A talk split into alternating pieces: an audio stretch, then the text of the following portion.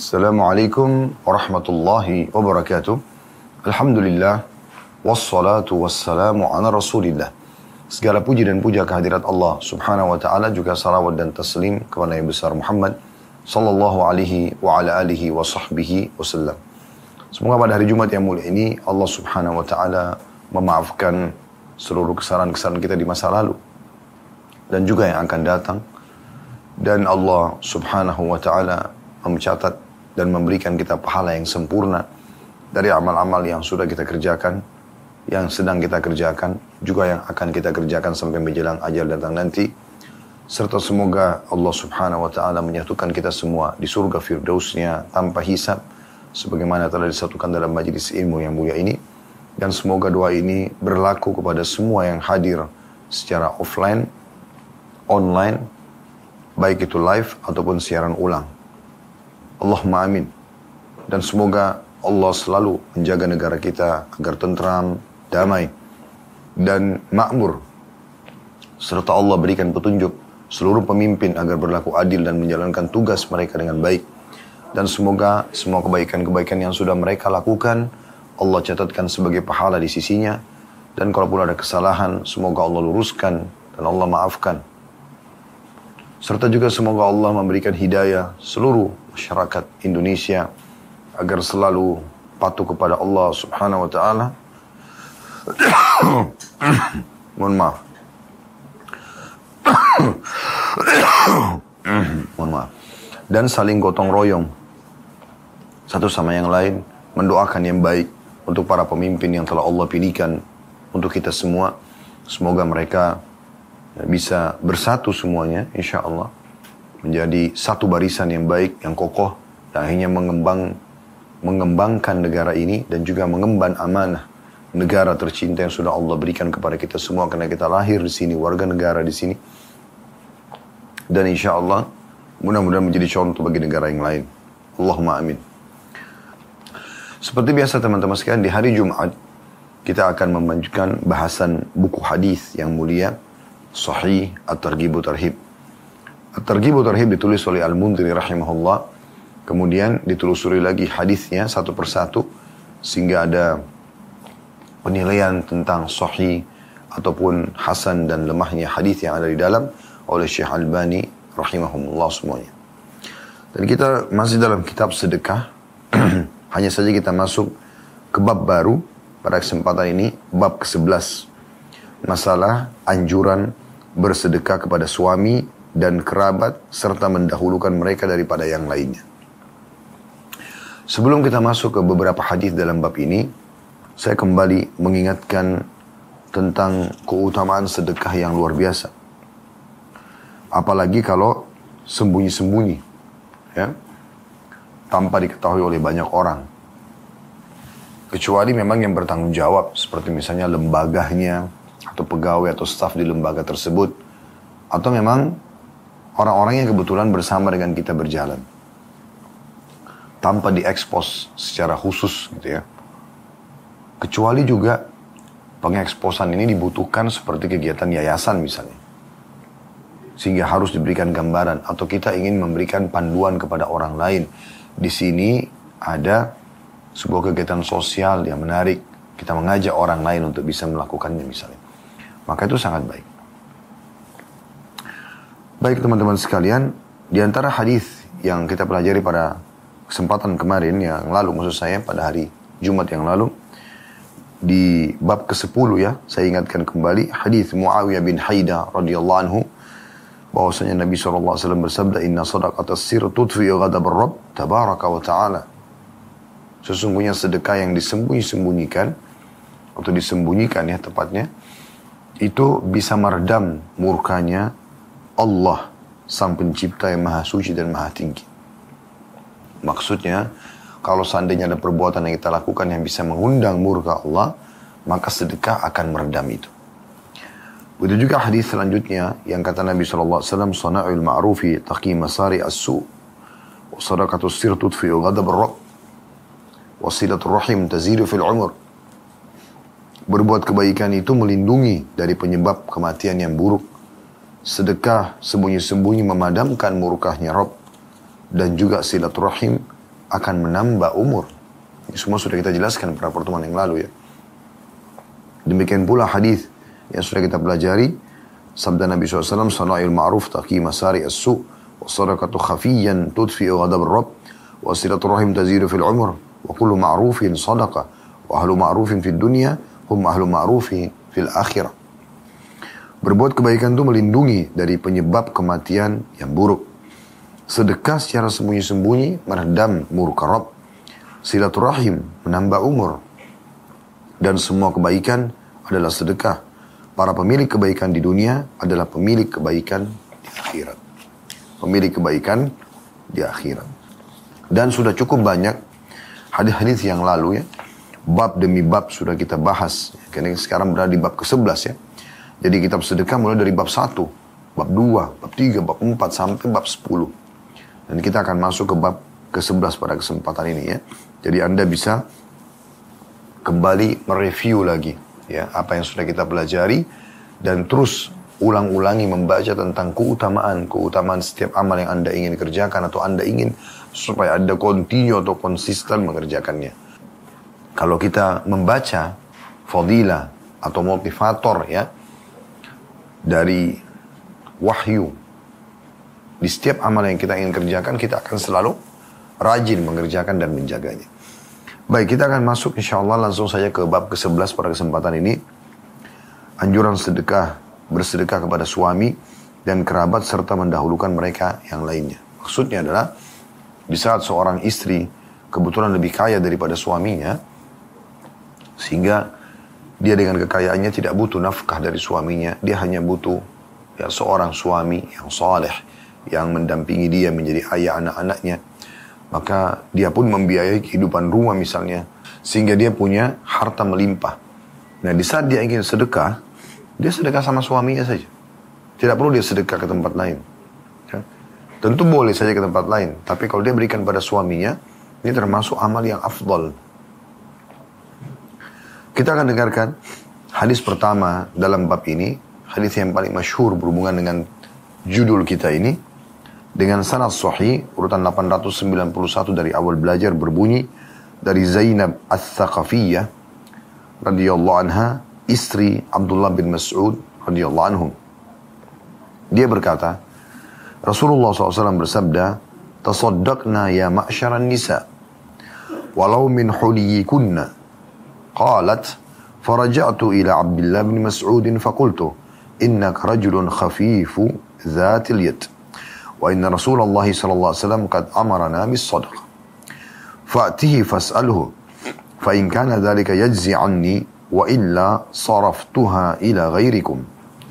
فقال عبد الله بل ائته أنت. فانطلقت فإذا امرأة من الأنصار بباب رسول الله صلى الله عليه وسلم. حاجتها حاجتي. وكان رسول الله صلى الله عليه وسلم قد ألقيت عليه المهابة فخرج علينا بلال.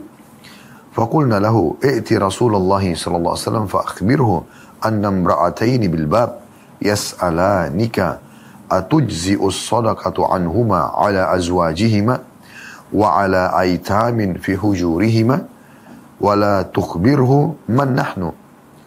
قالت فدخل بلال على رسول الله صلى الله عليه وسلم فسأله. فقال له رسول الله صلى الله عليه وسلم من هما؟ فقال امرأة من الأنصار وزينب. فقال رسول الله صلى الله عليه وسلم أي زيانب؟ قال امرأة عبد الله بن مسعود. فقال له رسول الله صلى الله عليه وسلم لهما أجران أجر القرابة وأجر الصدقة. Terjemahannya, kata Zainab Al-Thaqafiyah, istri Abdullah bin Mas'ud radhiyallahu anhuma, Nabi SAW pernah bersedekah kepada para wanita, wahai para wanita, bersedekahlah, segera kerjakan. Walaupun itu dari perhiasan-perhiasan kalian. Zainab berkata, lalu aku pulang kepada Abdullah bin Mas'ud suamiku, aku berkata, kamu adalah seorang laki-laki pemilik tangan yang ringan, maksudnya miskin. Dan Rasulullah SAW memerintahkan kami, para wanita, untuk bersedekah.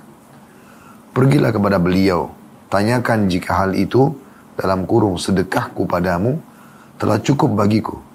Maksudnya dari kewajiban bersedekah. Maka aku akan memberikannya kepadamu.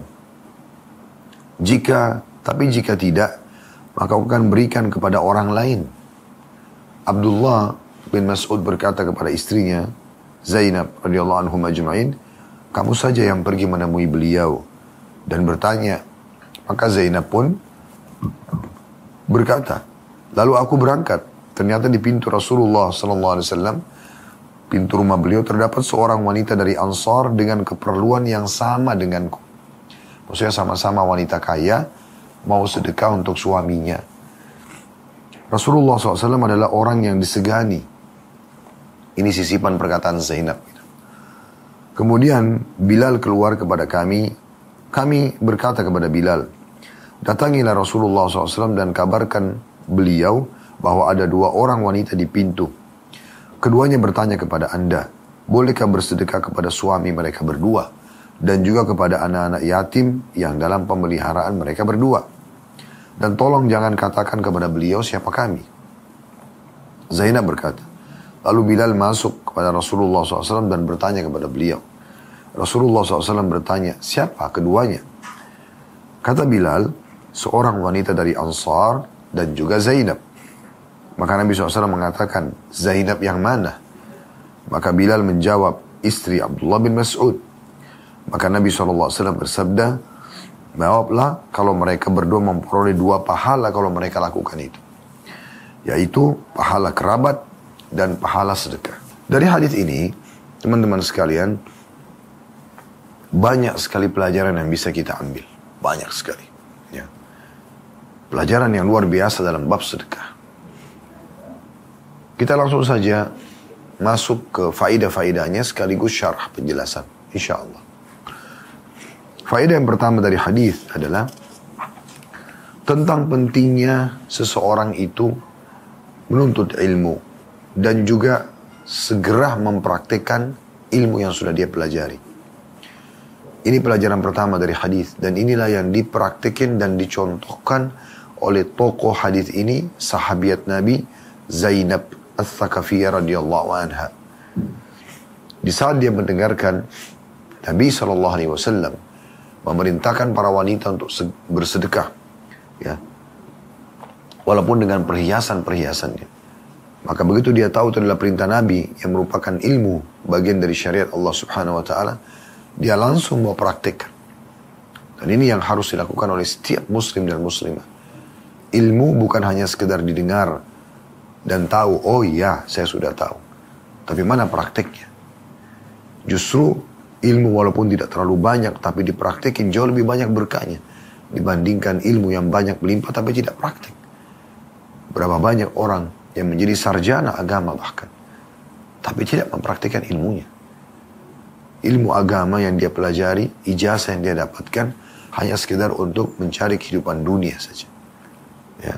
Sehingga tidak penting bagi mereka kembali mengingat ayat-ayat Al-Quran yang pernah dihafal saat kuliah, menghafal, mengulangi lagi hadis-hadis Nabi SAW yang pernah dipelajari, mengingat lagi dan merenungi perkataan para ya, salafus soleh dari sahabat, dari tabi'in, statement para ulama berhubungan dengan ibadah-ibadah yang sudah mereka pelajari dulu. Karena bagi mereka nggak penting. Yang penting ijazahnya bisa dipakai melamar kerja, ya, di lembaga itu instansi pemerintah ataupun swasta, udah cukup bagi mereka. Sehingga kita temukan mereka orang yang jauh dari agama. Bahkan masih sering terjadi pelanggaran-pelanggaran agama dalam kehidupan mereka. Semoga Allah berikan hidayah. Dan ini saya lihat sendiri di lapangan ya. Ada bahkan yang sudah sampai pada tingkat doktor. Tapi mereka tidak menjaga auratnya. Tidak menjaga pergaulannya. Tidak menjaga ibadahnya. Karena hanya profesi saja. Dan orang yang seperti ini, pada saat dia praktikin eh, pada saat dia sarankan dan sampaikan ilmunya kepada murid-muridnya, maka murid-muridnya juga akan seperti dengan dia. Karena memang niatnya dia mengajar untuk itu. Kita tidak temukan ada keberkahan di situ. Tidak ada keberkahan. Ya. Padahal sebenarnya harusnya ada keberkahan. Kapan itu terjadi? Kalau dia menjadi praktisi.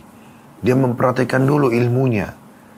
Kalau Anda menuntut ilmu, lalu Anda misalnya tentang sholat malam Anda belajar hadis, lalu Anda praktikin, lalu Anda sampaikan kepada orang lain, pastikan akan berbekas. Karena Anda seorang praktisi dan Anda ingin orang lain juga mengerjakannya sehingga menambah amal saleh buat Anda. Tidak ada indikasi duniawi di situ. Bukan karena ingin dipuji, bukan karena ingin jabatan. Situ ada keberkahan. Nah ini faedah yang pertama dari sikap Zainab radhiyallahu anha bagaimana mendengarkan ilmu dari Nabi SAW langsung dipraktikkan. Dan subhanallah betapa berharganya ilmu itu. Di saat kita belajar langsung kita praktikin. Akan betul-betul pada tempatnya. Ya. Ilmu itu kalau dipelajari dan diamalkan akan menjadi penjaga bagi pemiliknya. Dan kita harus faham teman-teman sekalian. Ilmu agama ini jauh lebih kita butuhkan daripada minuman pada saat kita haus. Makanan pada saat kita lapar, tempat tidur pada saat kita ngantuk, ya, capek misalnya, obat pada saat kita sakit. Karena ilmu agama ini akan mengajarkan kepada kita dan memandu kita, ini makanan yang boleh, ini makanan yang tidak boleh. Ini tempat tidur yang boleh, ini yang tidak boleh. Ya. Ini obat yang boleh, ini obat yang tidak boleh. Maka kita lebih butuh itu daripada semua kebutuhan kita. Oleh karena itu, Nabi SAW mewajibkan menuntut ilmu. Talabul ilmu Faridatun ala kulli muslim. Menuntut ilmu adalah wajib bagi setiap muslim. Faedah yang kedua. Bagaimana seorang istri boleh bersedekah kepada orang-orang terdekatnya terutama suaminya. Atau secara umum boleh muslim bersedekah kepada orang-orang terdekatnya. Dan secara khusus boleh istri bersedekah buat suaminya. Ini bab khusus di sini. Tentu yang umum adalah suami yang bersedekah pada istrinya, gitu kan? Karena dia dibebankan kewajiban untuk memberikan nafkah, gitu kan? Dan Nabi SAW mengatakan, semua akan dihitung sedekah, termasuk ya sepotong makanan yang kau letakkan di mulut istrimu. Itu akan menjadi pahala yang besar. Akan menjadi pahala yang besar. Oleh karena itu, kita harus ya memahami baik-baik kalau suami punya kewajiban untuk memberikan istrinya. Tapi ada kasus khusus, yaitu di saat suami justru tidak mampu, orang miskin, tapi karena soleh, maka oleh seorang wanita kaya dipilih sebagai suaminya. Karena yang dia sedang kejar adalah keimanannya, ilmunya, kesolehannya. Dan ini adalah pilihan yang sangat bagus. Boleh. Nah, pada saat itu Mungkin suami akan berikan nafkah semampunya atau si istri tanazul an haqqaha. Atau dia tidak butuh lagi haknya dia yang merupakan nafkah dia mengatakan pada suaminya karena kamu tidak mampu nggak usah berikan saya nafkah. Udah kita tinggal bersama di rumah saya, makan dengan saya segala macam pokoknya saya yang tanggung semuanya gitu kan. Yang penting kamu bisa menjadi suami saya, membimbing saya dan juga menjadi ayah anak-anak saya nantinya. Bisa. Itu boleh. Itulah yang terjadi pada Zainab As-Sakafiyah radhiyallahu anha, tokoh kita ini. Dia memilih Abdullah bin Mas'ud yang miskin. Ya. Karena Abdullah bin Mas'ud termasuk sahabat yang sangat miskin. Beliau seorang pengembala domba di, di, di Mekah. Dan di Madinah pun tinggal di Sufa. Di sebuah tempat di belakang rumah Nabi SAW. Bersama dengan orang-orang miskin yang mau menuntut ilmu. Gitu kan. Nah, di sini ya, hukumnya boleh terbukti Zainab ya, pergi ya, kepada Nabi SAW dan bertanya kepada Nabi. Kebetulan juga ada wanita ansar yang lain yang juga butuh itu. Dia juga orang kaya, suaminya juga dia ingin sedekah, dia ingin sedekah pada suaminya. Apakah boleh gitu? Maka sudah jelas tadi di hadis jawaban Nabi SAW, kalau mereka lakukan maka akan mendapatkan dua pahala. Pahala sedekah dan pahala silaturahim atau kekerabatan. Berarti suami di sini, ya kalau ibu sedekah pada suami, atau ibu berikan hadiah pada suami, ibu akan dapat dua pahala. Pahala sedekahnya dan pahala kekerabatannya. Tentu suami juga sama. Pada saat dia berikan kepada istri, dia dapat pahala sedekahnya, dia dapat pahala ya, kekerabatannya. Itu juga anak pada orang tua, orang tua pada anak, saudara pada saudaranya, paman pada ponakannya, ponakan pada paman dan tantenya sepupu dengan sepupunya. Semua yang punya hubungan kerabat akan sama. Mendapatkan ya pahala yang melimpah gitu.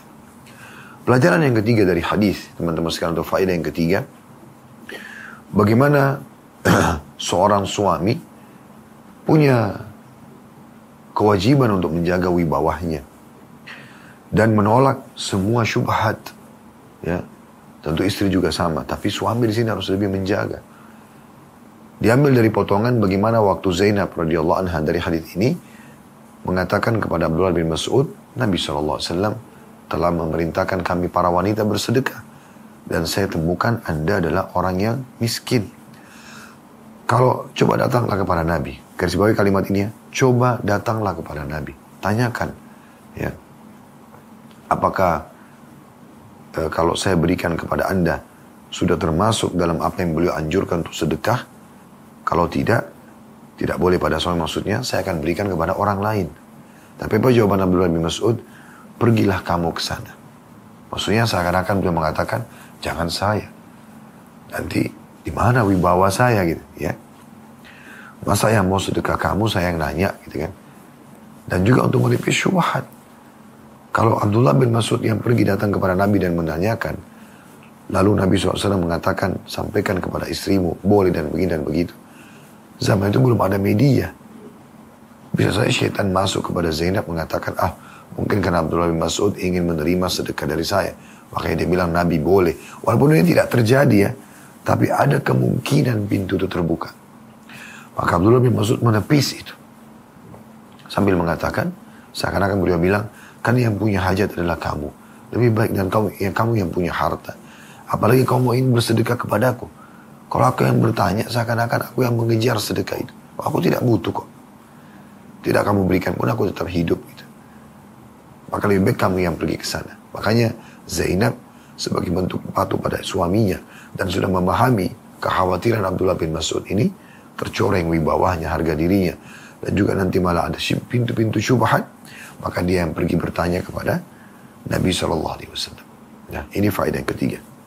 Faedah yang keempat yang bisa diambil adalah bolehnya kaum wanita bertanya tentang agama kepada kaum laki-laki. Ya. Tidak masalah. Bertanya kepada seorang ustadz. Yang penting jangan ada pelanggaran agama karena ustadz juga manusia. Gitu kan. Bertanya tentang hukum. Boleh. Seperti sini Zainab dan orang wanita Ansar datang ke rumah Nabi bertanya. Ya, tapi bukan berduaan di satu ruangan misalnya, ya. Tapi bertanya secara di media misalnya. Ya. Bahkan boleh bersuara. Tidak masalah. Di sini Zainab bersuara, bertanya. Dan banyak di antara sahabiat Nabi bertanya dengan suara. Ya. Seperti kasus wanita yang mengatakan saya adalah utusan para wanita di Madinah ya Rasulullah. Di masjid beliau bilang itu.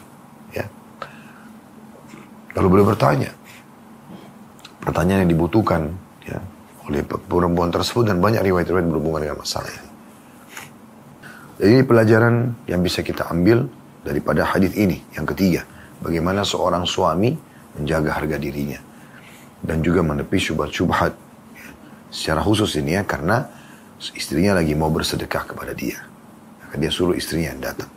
Dan yang keempat tadi, bolehnya seorang wanita bertanya langsung masalah agama ya, kepada uh, ahli agama tentunya ya, bukan kepada semua orang ahlinya.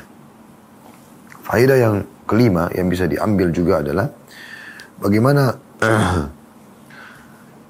untuk uh, membahasakan santun ya, kepada orang yang dihormati dalam bahasa Arab kita bisa menggunakan damir mukhatab atau damir damir jamak maksudnya mukhatab itu untuk satu orang jamak itu untuk banyak orang. Di sini perhatikan potongan perkataan Zainab kepada suaminya. Wa illa saraftuha ila ghairikum. Artinya, kalau seandainya tidak boleh saya sedekah kepada Anda, maka saya akan alihkan kepada selain Anda. Tapi di sini digunakan gairikum, ya. Dia bukan mengatakan gairika, selain kamu saja. Nah ini bentuk penghormatan. Ya. Seperti misalnya kita bicara dengan guru kita. Atau orang yang kita hormatin. Dia satu orang. Kalau kita mau mengatakan dalam bahasa Arab apa kabar anda kita mengatakan kaifa haluka bagaimana kabar anda tetapi kita boleh mengatakan untuk bentuk penghormatan kaifa halukum pada sebenarnya kum ini untuk jamak untuk rame-rame tiga orang ke atas tapi kita boleh gunakan ini sebagai bentuk penghormatan ya. Ini kurang lebih juga pelajaran yang bisa diambil dari hadis ini. Pelajaran yang keenam potongan perkataan Zainab tentang Nabi Shallallahu Alaihi Wasallam ya bahwasanya Nabi Shallallahu Alaihi Wasallam ulkiyat alaihi mahaba artinya diberikan ya perasaan uh, wibawa sehingga orang itu segan maksudnya apa kami kaum wanita ini tidak mudah untuk langsung berbicara dengan Nabi Shallallahu Alaihi Wasallam tidak mudah berbicara dengan Nabi SAW secara langsung. Dan ini penting ya. Bagi kaum laki-laki, tidak boleh sembarangan ngomong sama perempuan. Sehingga perempuan itu segan dengan dia. Terutama yang bukan mahramnya. ya. Dan secara khusus lagi para tokoh-tokoh agama. Karena kalau mereka melakukan pelanggaran agama, karena terlalu supel, terutama dengan lawan jenis, ya duduk ngakak-ngakak, ya tepak-tepukan pelanggaran agama terjadi. Apalagi sampai pada tingkat berduaan, sampai pada tingkat akhirnya berzina. Maka ini kan mencoreng agama. Iya kalau Allah tutupin aibnya. Kalau Allah expose bagaimana? Nanti orang kan mengatakan, tuh orang yang beragama pun begitu. Nah, ini nggak boleh dibiarkan. Harusnya Allah memberikan Anda kemuliaan ilmu agama, Anda lebih menjaga tentunya. Dan ini jauh lebih baik. Ya, saya biasa di pengajian pengalaman saya pribadi. Di saat ada ibu-ibu yang bertanya, saat mau bertanya tapi suaranya saya lihat kecil. Saya langsung yang kerasin suara. Iya, silakan bu, biar orang lain juga semua pada dengar gitu. Ini poin untuk menutup pintu-pintu ya yang tuduhan-tuduhan yang kurang baik ya. Sedangkan kita sudah coba menjaga saja nama baik, menjaga wibawa, masih ada saja orang yang coba menyebarkan fitnah dan berita bohong. Bahwasanya begini dan begitu ya. Nah, ini yang terjadi. Oleh tapi kita tidak usah pedulikan tentu kalau ada yang berkata begitu karena asal kita tidak melakukannya. Allah maha kuasa nanti menepis dan memperbaikinya gitu ya. Nah ini pelajaran juga yang bisa diambil dan yang ketujuh yang bisa kita ambil pelajaran adalah bolehnya seseorang dai, seorang alim, ya, itu memiliki seorang sekretaris pendamping yang membantu dia. Contoh kasus Bilal di sini radhiyallahu anhu. Beliau menjadi pendamping Nabi SAW. Nabi nggak buka pintu langsung. Dia mendampingi, mewakili Nabi buka pintu. Dia mewakili juga menyampaikan pertanyaan Nabi. Eh, pertanyaan kepada Nabi dua wanita ini. Dan kemudian dia juga yang uh, Bilal pun yang menyampaikan pesan Nabi SAW. Jadi Nabi nggak perlu keluar. Mungkin pelajaran yang terakhir yang bisa kita ambil adalah bolehnya seseorang, ini yang ke-7 dan ke-8 ya, bolehnya seseorang menanyakan, da'i menanyakan nama orang yang sedang bertanya. Walaupun itu perempuan, tapi di depan umum. Gitu kan. Waktu Zainab titip pesan kepada Bilal tolong tanyakan kepada Nabi dan tidak usah sebutkan nama kami. Maksudnya bukan kamu bohong, tapi kalau tidak ditanya jangan sebutkan nama kami. Karena Nabi tanya, maka Bilal jawab. Yang satu Bilal tidak tahu namanya, wanita dari Ansar. Yang satu Zainab Nabi. Bilal mengatakan Zainab ya Rasulullah. Perhatikan Nabi masih tanya, Zainab siapa? Karena banyak orang yang namanya Zainab di Madinah. Termasuk ada anak Nabi, anak Nabi sendiri namanya Zainab. Ada istri Nabi juga namanya Zainab. Maka Bilal mengatakan Zainab istrinya Abdullah bin Mas'ud. Nah dengan begini, dengan Nabi bertanya, Nabi lebih faham juga siapa yang sedang bertanya. Ya, ternyata memang Nabi tahu istri Abdullah bin Mas'ud orang kaya. Maka ini boleh dijadikan sebagai sebuah pelajaran juga dari hadis ini. Baik teman-teman sekalian, kita lanjutkan insya Allah dua buah hadis atau tiga buah hadis maaf tersisa di bab ini namun hadisnya pendek-pendek, hanya banyak sekali pelajaran bisa kita ambil tambahan tentunya. Jadi kita sudah jelaskan dari hadis yang pertama ada delapan buah faidah. Delapan buah faidah ya. Sekarang kita akan masuk ke hadis kedua dengan sanad Hasan Sahih. Urutan 892 dari Al Belajar ya. Hadis kedua dengan sanad Hasan Sahih urutan 892 dari awal belajar berbunyi dari Salman bin Amir radhiyallahu anhu. Dari Nabi SAW beliau bersabda, As-sadaqatu ala al-miskini sadaqah. Wa ala dhir rahimi ithnatan. Sadaqatun wasilah. Sedekah kepada orang miskin adalah dinilai satu sedekah. Sedangkan kepada kerabat ada dua nilai, yaitu sedekah dan juga mendapatkan pahala jalinan silaturahim. Hadis ini riwayat An-Nasai juga At-Tirmidzi dan dia menghasankannya. Ibnu Khuzaimah dan Ibnu Hibban juga menyebutkan dalam sahih keduanya serta Al-Hakim mengatakan sanatnya sahih. Dan lafaz Ibnu Khuzaimah as-sadaqatu 'ala al-miskini sadaqah wa 'ala al-qaribi sadaqatani sadaqatun wasilah. Sedekah kepada orang miskin adalah satu nilai sedekah. Dan kepada kerabat ada dua nilai sedekah, yaitu sedekah dan jalingan silaturahim. Hadis kedua ini memberikan pelajaran tambahan buat kita. Tentunya mirip dengan potongan akhir hadis dari hadis pertama. Pesan Nabi SAW kepada Zainab dan wanita Ansar tadi, kalau dia keduanya memberikan sedekahnya kepada suami, maka dia akan mendapatkan pahala sedekah dan pahala kekerabatan. Kalau orang baca hadis pertama, maka orang fahamnya adalah yang dimaksud suami karena kasus kasuistik. Nah hadis kedua ini, hadis kedua ini memberikan kita tambahan informasi bahwasanya walaupun selain suami, siapa pun yang punya hubungan rahim mahram atau bukan mahram. Ya. Apakah itu ayah, ibu, kakek, nenek, semua mahram kita, paman, tante, saudara-saudara, ponakan, ya. anak dan cucu ke bawah, suami istri, ya. ini mahram. Ada orang yang punya kekerabatan tapi bukan mahram, seperti misalnya ipar, sepupu, ya.